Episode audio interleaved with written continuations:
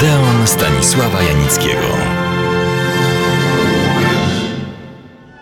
Swoją opowieść o mistrzu zapomnianym, czyli francuskim reżyserze René Clément, zakończyłem przed tygodniem zapowiedzią jego pierwszego filmu fabularnego, za który otrzymał, to się rzadko zdarza, wszak dopiero debiutował Złotą Palmę na pierwszym po wojnie w roku 1946 Międzynarodowym Festiwalu Filmowym w Cannes. Nagrodę tę otrzymał René Clément za film Bitwa o Szyny. Był to film niezwykły pod wieloma względami. Pisano, że jest to, cytuję, filmowa rekonstrukcja walk francuskich kolejarzy z hitlerowcami. Pociągi te przewoziły, to bardzo ważne, broń i zaopatrzenie dla wojsk niemieckich. Film składa się z dwóch różniących się od siebie części. Pierwsza, rozgrywająca się w wolnym, ale narastającym tempie, pokazuje różne formy oporu i sabotażu. Druga przedstawia na szeroko zakrojone działania pracowników kolei i partyzantów starających się sparaliżować i zniszczyć niemieckie transporty w czasie ofensywy wojsk alianckich, które wylądowały w Normandii. René Clément przedstawia tę fascynującą walkę w sposób, dzisiaj powiedzielibyśmy, dokumentalny, to znaczy dbając o prawdę głównej idei i szczegółów. Od rozkręcania szyn po wstrząsającą scenę rozstrzeliwania zakładników.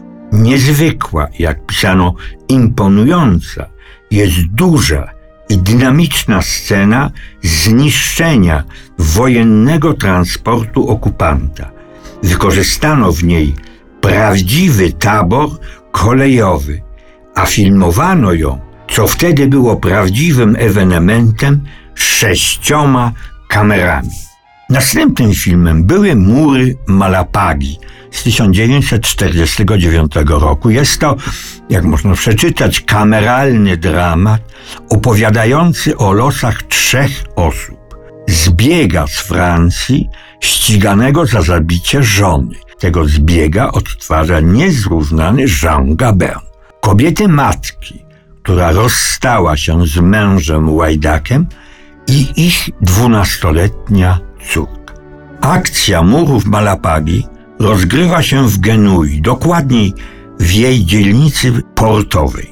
W tym filmie przeplatają się dwa nurty pozornie trudne do pogodzenia, mianowicie iście neorealistyczne widzenie świata, dosłownie, oraz gorzka prawda o trudnych losach ludzkich, tak charakterystyczna dla filmów francuskiej szkoły psychologicznej lat 30.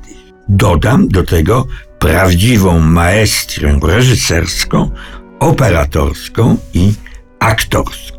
Z dalszych filmów René Clementa wspomnę o znakomitej i przejmującej ekranizacji klasycznej powieści Emila Zoli Gervais. Krytyka nazwała ten film naturalistycznym dokumentem oraz brawurowym popisem reżyserskim. Jest to opowieść o tytułowej, kalekiej dziewczynie Gervais, która w wieku 15 lat zostaje matką.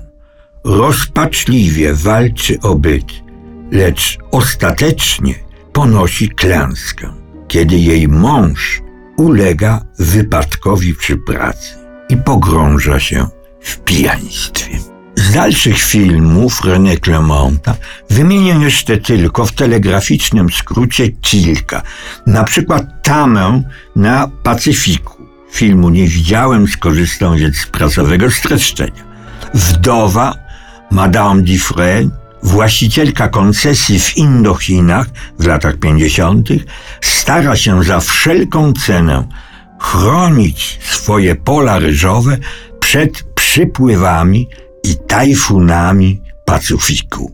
Musi także stawić czoła manewrom agenta odpowiedzialnego za wykupienie jej farmy. Jednak udaje jej się kupić cement potrzebny do umocnienia grobi, ale umiera wyczerpana. Ocenę tego pomysłu pozostawiam Państwu.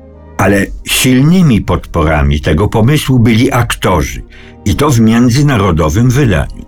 W roli głównej znakomita aktorka włoska Silvana Mangano, zaś w rolach jej dzieci znakomity aktor amerykański Anthony Perkins i Joe Van Fleet. Kończę ten felieton, ale nie kończę opowieści o twórczości René Clementa. Nie powiedziałem ani słowa o jego najważniejszym filmie Zakazanych zabawach. Przed laty dostałem polecenie napisania recenzji filmu René Clementa Zakazane zabawy. Niestety nie byłem w stanie jej napisać, bo takie wrażenie zrobił na mnie ten film. Zapraszam do Odeonu.